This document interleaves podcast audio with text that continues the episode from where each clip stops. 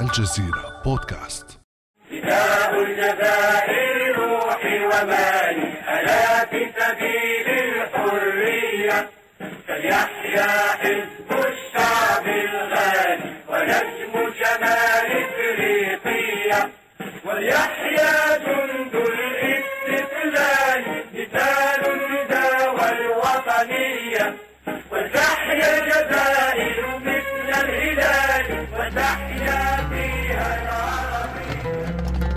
تحيا الجزائر مثل الهلال وتحيا اللغة العربية. كلمات النشيد الرسمي لحزب الشعب الجزائري لشاعر الثورة مفدي زكريا رحمه الله. 132 سنة هي عمر الاحتلال الفرنسي للجزائر. قابله الجزائريون بكل أنواع النضال والمقاومة. وذاقوا بسبب ذلك كل أنواع الظلم والقهر والاستغلال والقتل.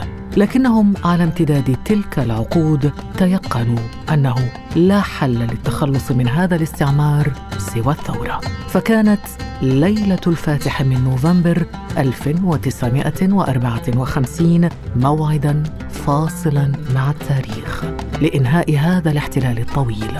فأذن ربك ليلة قدري وألقى الستار على ألف الشهر. وقال له الشعب أمرك ربي وقال له الرب أمرك أمرك. ودان القصاص فرنسا العجوز بما اجترحت من خداع ومكر ولعلع صوت الرصاص يدوي فعاف اليراع خرافات حبري. نوفمبر غجرت مجرى الحياة وكنت نوفمبر مطلع الفجر. وذكرتنا في الجزائر بدرا فقمنا نضاهي صحابة بدر. نوفمبر غيرت مجرى الحياة يقول شاعر الثورة مفدي زكريا. هي ثورة فجرها فتية آمنوا بقضيتهم رغم قلة عددهم وضعف تسليحهم وانعدام خبرتهم العسكرية. كان سلاحهم الوحيد روحهم الوطنية وإيمانهم بقضيتهم. فصنعوا ملحمة ثورية صنفت ضمن أعظم ثورات القرن العشرين وسميت في العالم بثورة المليون ونصف المليون شهيد. فما قصة اندلاع الثورة الجزائرية ليلة الأول من نوفمبر 54 وكيف تمكن ثلة من المناضلين الشباب من تفجير ثورة أخرجت فرنسا صاغرة من الجزائر؟ وما الدروس المستخلصة من هذه الثورة في ذكرى اندلاعها السابعة والستين؟ بعد أمس من الجزيرة بودكاست أنا خديجة بن جنة.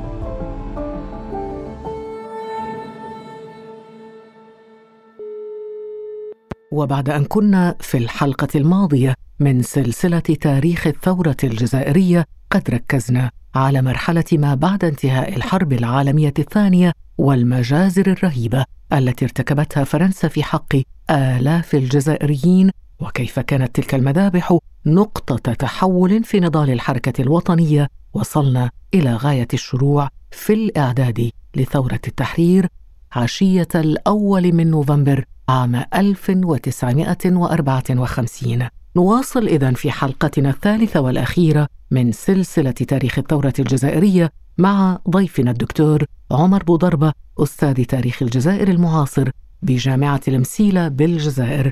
نرحب بك مجددا دكتور عمر. مرحبا بكم أستاذة خديجة. أسعدتنا وشرفتنا. أهلا بك. مرحبا بكم يعني يسرنا التعامل معكم.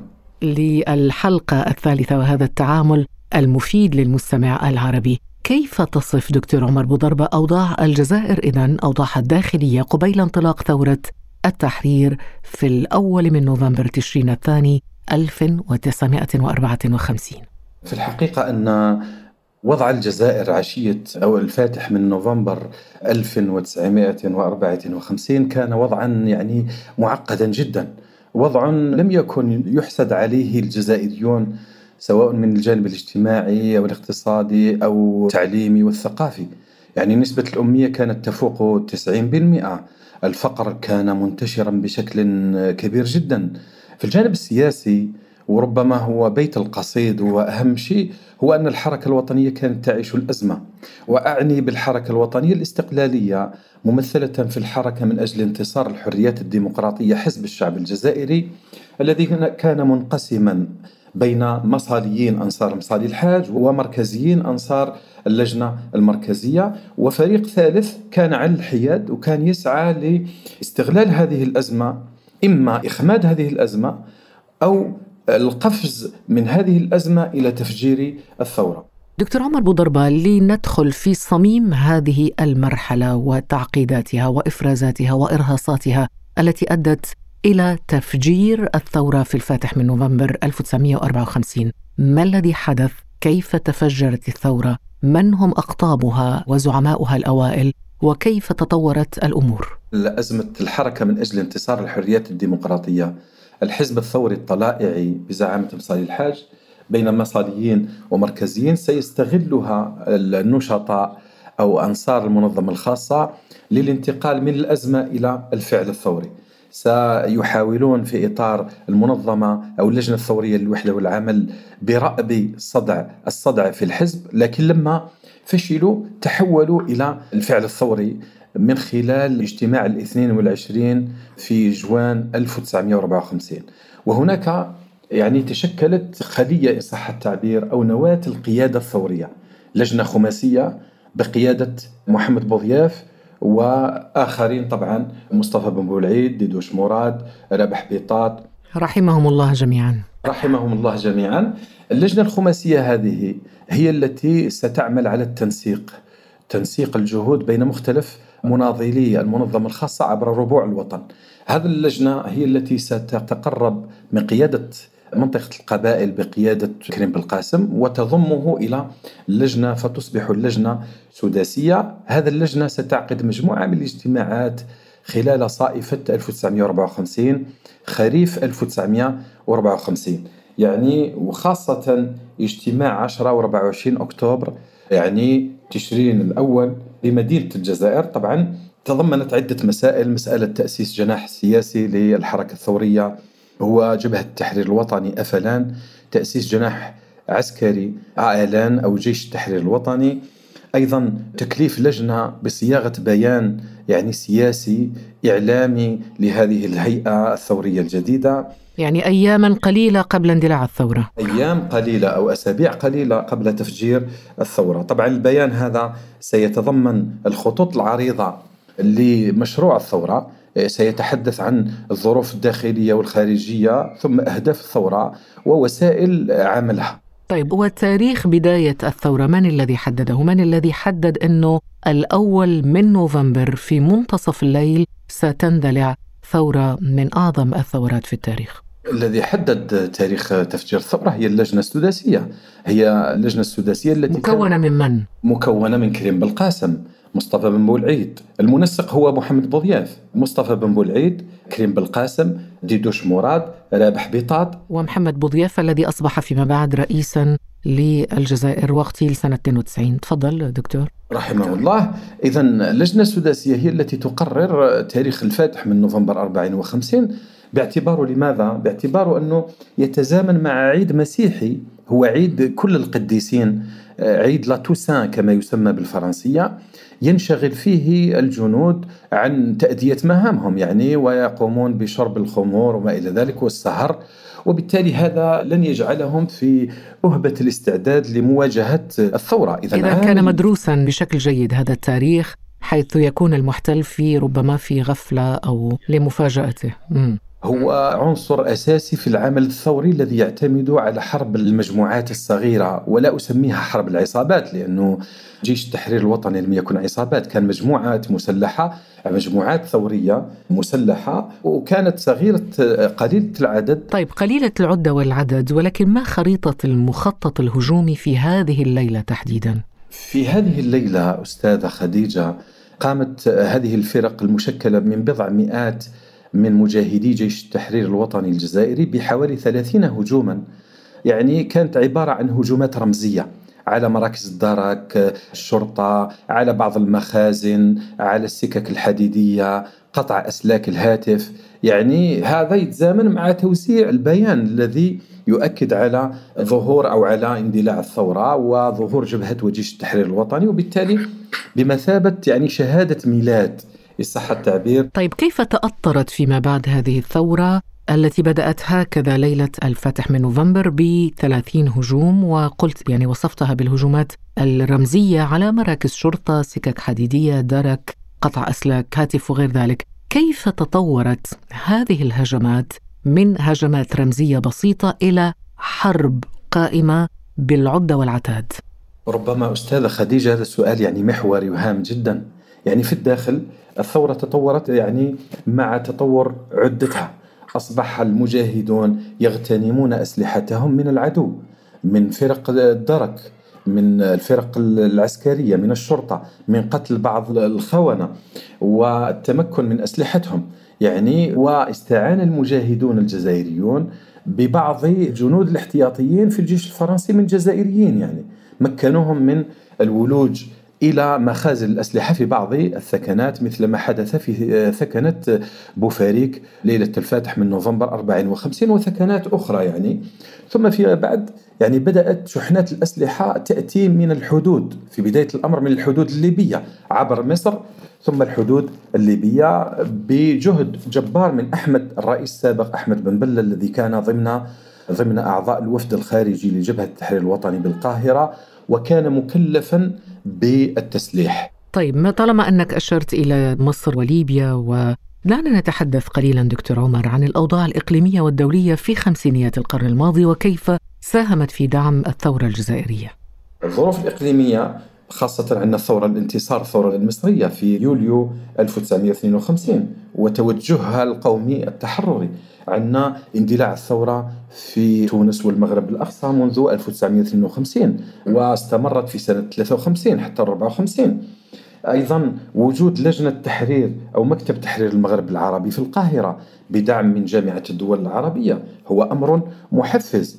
أما أيضا عندنا سياسة الانفراج الدولي يعني في بداية الخمسينات وخاصة في 53 بعد وفاة ستالين سيحدث ما يعرف بسياسة الانفراج الدولي أو خفت حدة الحرب الباردة بين المعسكرين.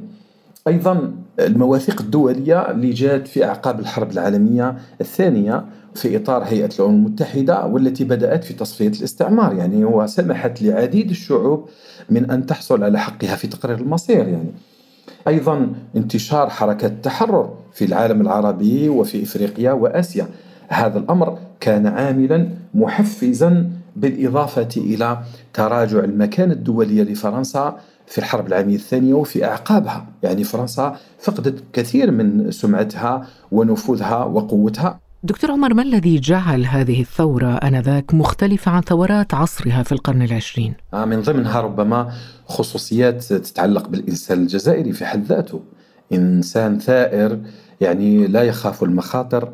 الثورة الجزائرية عرفت مثلا من الناحية العسكرية في الداخل بالعمليات العسكرية في إطار حرب العصابات في الأرياف في المدن وظف المجاهدون أو الفدائيون. نوع آخر من العمل المسلح هو العمل الفدائي والذي تمثل في استهداف بعض المصالح الحيوية في المدن. استهداف بعض مفتشي الشرطة الذين كانوا يستعملون التعذيب ضد العناصر المعتقلة من جبهة التحرير الوطني. واستطاع الوفد الخارجي لجبهة التحرير الوطني أن يوفد إلى باندونغ حسين أحمد ومحمد يزيد اللذين مثلا جبهة التحرير الوطني هناك في هذا الاجتماع. وهناك تحصلت جبهة التحرير الوطني والحركات التحررية المغاربية التونسية والمغربية تحصلت على دعم هذا الكتلة لطرح المسألة المغاربية في جدول أعمال الجمعية العامة للأمم المتحدة في دورة 1955 الدورة العاشرة. ما يميز الثورة الجزائرية أيضا؟ عديد الخصائص. من ضمن هذه الخصائص أستاذة خديجة أن الثورة الجزائرية هي الوحيدة التي استطاعت أن تنقل المواجهة إلى أرض العدو عن طريق كوموندوس. كان يعني العمال الجزائريون المقيمون في فرنسا يعني تجندوا في فرق أو خلايا مسلحة واستهدفوا مصالح حيوية في الاقتصاد الفرنسي. مثل المصافي مصافي البترول. يعني هذه الأمور لم تستطع حركة تحررية في عالمنا المعاصر أن تقوم بمثلها. لا الثورة الفيتنامية ولا الثورة الكوبية.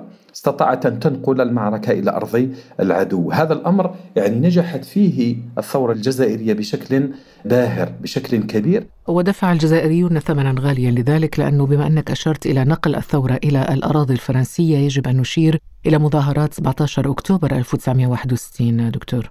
من ضمن مظاهر يعني تصوير أو نقل الثورة إلى فرنسا القيام بالمظاهرات. ونذكر هنا على سبيل المثال للحصر مظاهرات 17 أكتوبر 1961 في العاصمة الفرنسية باريس وفي أشهر ساحاتها وشوارعها. يعني مثل شارع شانزليزي مثل شارع الأوبرا وغيرها استطاع الجزائريون بفضل تنظيمهم خلف فيدرالية جبهة التحرير الوطني في فرنسا استطاعوا أن يتحدوا إدارة الاستعمار الفرنسي وقاموا بمظاهرات. وفرنسا كانت تسميهم في ذلك الوقت دكتور الفلاجة أو الخارجين عن القانون من أجل شيطنتهم والتقليل من شأنهم ومن قدرتهم أيضا على تحقيق انتصارات وهم قليلو العدد والعتاد. مع ذلك ملامح النصر بدأت تلوح في الأفق. وبدأت القضية الجزائرية تتصدر المنابر الدولية. بدأ هنا أو ندخل هنا دكتور عمر في مرحلة تدويل القضية الجزائرية. ما هو أثر تدويل قضية الجزائرية ووصولها إلى الأمم المتحدة؟ مفعولها في الحقيقة وتأثيرها كان كبيرا جدا. يعني التدويل يعني هدف أساسي في أدبيات جبهة التحرير الوطني وهذا ما يمكن أن نلتمسه نتلمسه من خلال بيان أول نوفمبر. من 54 أو تشرين الأول تشرين الثاني 1954 ومن خلال وثيقة مؤتمر الصمام في 20 غشت أو أوت 1956 أكدت جبهة التحرير الوطني على ضرورة العمل أو تفعيل الحضور الدولي للثورة التحريرية في المحافل الدولية وبخاصة في الكتلة الأفرو أسيوية وخصوصا في الجمعية العامة للأمم المتحدة لأن الثورة الجزائرية كانت قد أعدت العدة للحصول على دعم دول حديثة الاستقلال حديثة الاستقلال من العالم الثالث وبخاصة من العالم العربي والإسلامي في إفريقيا وآسيا وهي التي ستصوت سنة 55 يعني لصالح تسجيل القضية الجزائرية. لكنها لم تسجل لدافع تكتيكي ستؤجل عملية تسجيلها ضمن جدول أعمال الجمعية العامة إلى الدورة الحادية عشرة سنة 1956 وأصبحت بعد ذلك كل سنة تسجل وتناقش وهو ما شكل ضغطا كبيرا على الحكومات الفرنسية المتعاقبة. لكن في نهاية المطاف ستخضع فرنسا لإرادة جبهة التحرير الوطني وتدخل معها في مفاوضات. وتخضع لمنطق المفاوضات في نهاية المطاف.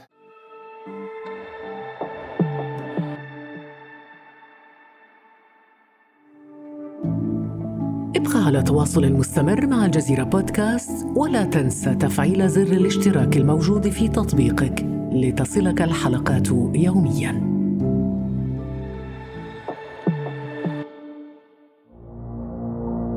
لكن قبل الدخول في التفاوض دكتور عمر كان هناك إنكار فرنسي قاطع لوجود دولة جزائرية لنستمع إلى الجنرال دوغول سنة 1959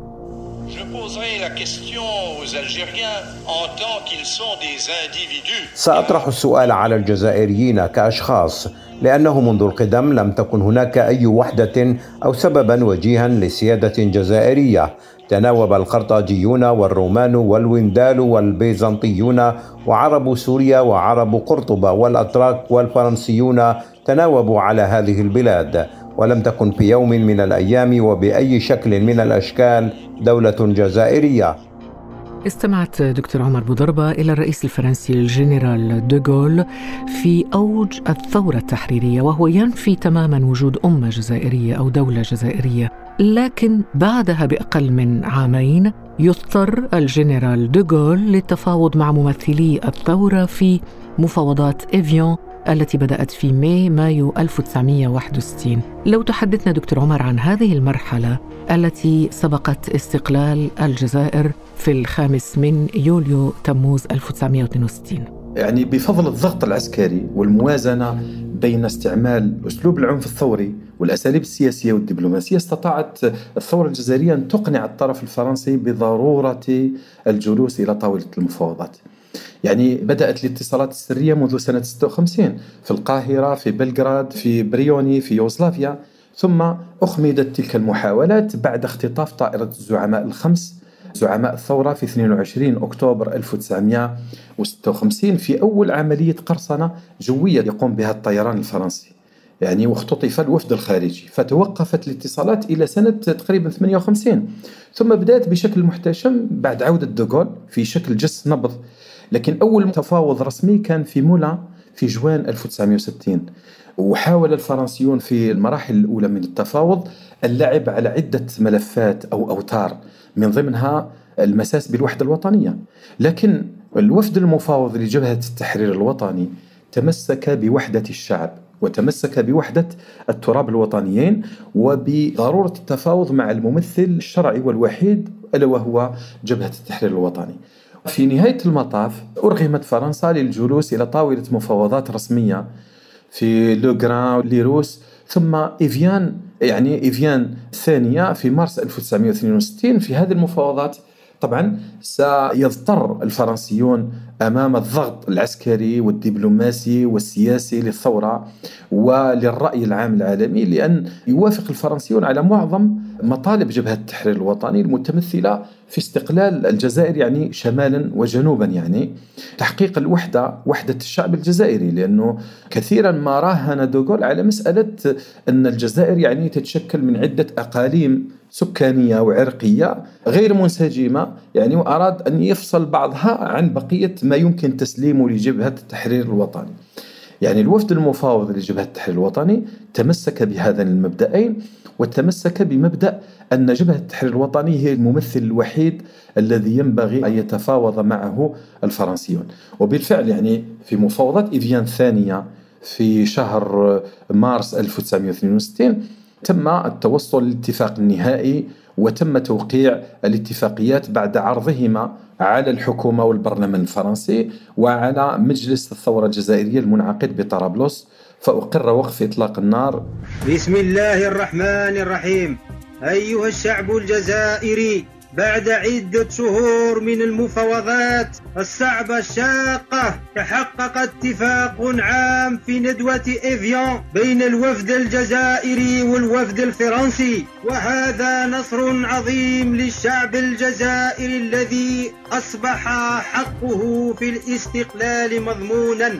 ونتيجة لذلك باسم الحكومة المؤقتة للجمهورية الجزائرية المفوضة من طرف المجلس الوطني للثورة الجزائرية فإني أعلن وقف إطلاق النار في كامل أنحاء الوطن الجزائري ابتداء من يوم الاثنين 19 مارس 1962 على الساعة 12 بالضبط.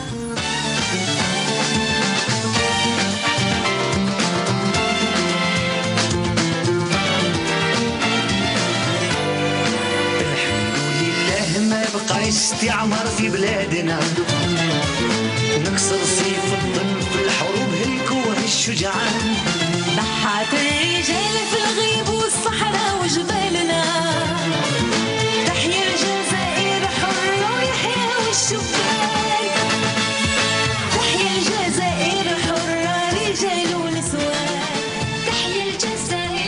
هذا مقطع من أغنية الحمد لله ما بقاش استعمار في بلادنا. ما بقاش استعمار في بلادنا بقيت لكن بقيت مخلفات الحقبة الاستعمارية في الجزائر. ما هي أهم وأخطر هذه المخلفات دكتور عمر؟ والله فترة استعمارية يعني قاربت القرن و32 سنة أكيد أنها تركت آثارا يعني عميقة في الجزائر يعني من آثار في الثقافة آثار في اللسان في الطبيعة يعني حتى الطبيعة. تأثرت بالسيطرة الاستعمارية الفرنسية. وبالتجارب النووية أيضا. أكيد بالتجارب النووية سياسة الأرض المحروقة منذ عهد الجنرال بيجو في أربعينيات القرن التاسع عشر. هذا أثر حتى على الغطاء النباتي. تصوري بأنه التجارب النووية اللي بدأت في فيفري 1960 واستمرت حتى لسنة 65 يعني حتى بعد استقلال الجزائر خلفت إشعاعات نووية ستستمر لأربعة ألاف سنة. يعني نعم وربما لا يعلم كثيرون أن قوة هذه التفجيرات النووية تجاوزت أربع مرات قوة تفجير هيروشيما وناغازاكي وهذا ما يجهله الكثيرون وللأسف الشديد لم يتم قيادة أجواء تلك المناطق وطبيعة تلك المناطق وأصبحت آثار هذه الإشعاعات بادية في الحيوانات وفي النباتات وحتى في الإنسان. الآن يولد العشرات من الجزائريين في رقان وعين صالح وغيرها يولدون مشوهين. نعم على مستوى الثقافة والهوية. على مستوى الثقافة والهوية يعني الآثار يعني ربما كانت بادية ولا زالت بادية بشكل كبير جدا لأن فرنسا خلال حقبة 132 سنة سعت لطمس الهوية ومحاربة اللغة. هذا أثر على اللسان يعني الجزائري في كثير من المدن خاصة المدن الشمالية والمدن الكبرى مدينة الجزائر وقسنطينة ووهران يعني الكثير من المصطلحات المستعملة هي فرنسية وحتى في اتفاقية إفيان كرست يعني مسألة التعاون الثقافي والتعليمي وما ذلك حتى تربط الجزائر يعني بفرنسا لغة و طب لغة ولكن هل أيضا على مستوى الدين أو الانتماء الديني نشطت حركات التنصير وتركت آثار أيضا؟ والله ربما مفعول حركات التنصير في بعض المناطق يعني عول الفرنسيون على مسألة تنصير الجزائريين لكن نسبة النجاح كانت ضئيلة في بعض المناطق مثل بلاد القبائل حيث جمع اليتامى في دور لليتامى وتمت تربيتهم في بعض على آه، مبادئ الإنجيل والتثليث وما ذلك لكن هذا هذه التجربة كانت محدودة يعني لأن الجزائري متمسك بدينه يعني بشكل قوي جدا يعني وماذا عن المستوى الزراعي؟ والله من الجانب الزراعي الاقتصاد الجزائري سخر لخدمة الاقتصاد الفرنسي وحاجيات الفرنسيين. مثلا أصبح التركيز منصبا على بعض الزراعات التي لا تخدم الاستهلاك المحلي مثلا زراعة الكروم الموجهة لصناعة الخمور. هذا الأمر كان تلبية لحاجيات فرنسا وحاجيات السوق الأوروبية. طبعا هذا الأمر أثر يعني على الواقع الغذائي وجعل الجزائر يعني تابعة غذائيا إلى يومنا هذا. تابعة لفرنسا وتابعة للعالم المنتج للغذاء بشكل عام يعني. طيب دكتور هناك يعني مطالبات بملاحقة فرنسا في المحافل والمحاكم الدولية لكن البعض يتحدث عن بنود سرية في اتفاقية إفيان تمنع الجزائر من ذلك. هل هذا صحيح؟ هو ما نصت عليه اتفاقية إفيان عدم متابعة مثلا الجنود الفرنسيين والضباط الفرنسيين الذين خدموا الجيش الفرنسي في حقبة الثورة التحريرية. لكن مسألة متابعتها فيما يتعلق بالمسائل الأخرى أعتقد بأنه يمكن التعامل معها من خلال بعض المنظمات الدولية التي حديثنا دكتور عمر عن الدروس المستخلصة من الثورة الجزائرية.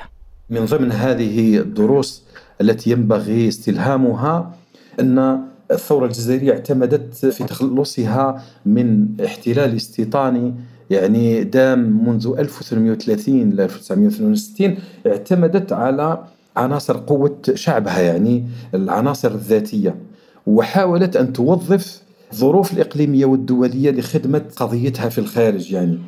وبخاصة الاعتماد على الحلفاء الطبيعيين من عرب ومسلمين وأنصار القضايا العادلة من زعماء وحركات تحررية.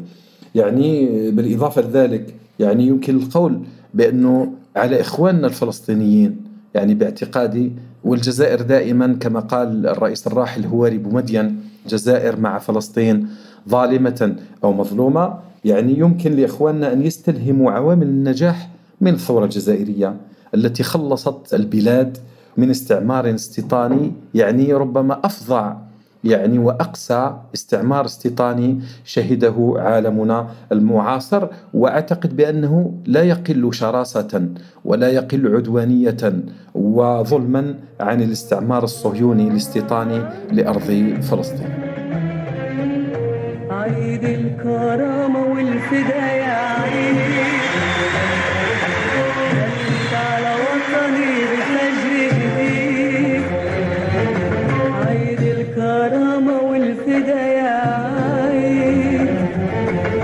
دكتور عمر بوضربة أستاذ تاريخ الجزائر المعاصر بجامعة المسيلة بالجزائر نشكرك جزيل الشكر على هذه الرحلة التاريخية مع ثورة الجزائر ضمن سلسلة ممتعة ومفيدة معك في هذه المناسبة العظيمة. ذكرى الأول من نوفمبر يوم اندلعت ثورة التحرير الجزائرية. شكرا لك. لكم جزيل الشكر أستاذة خديجة. شكرا لكم.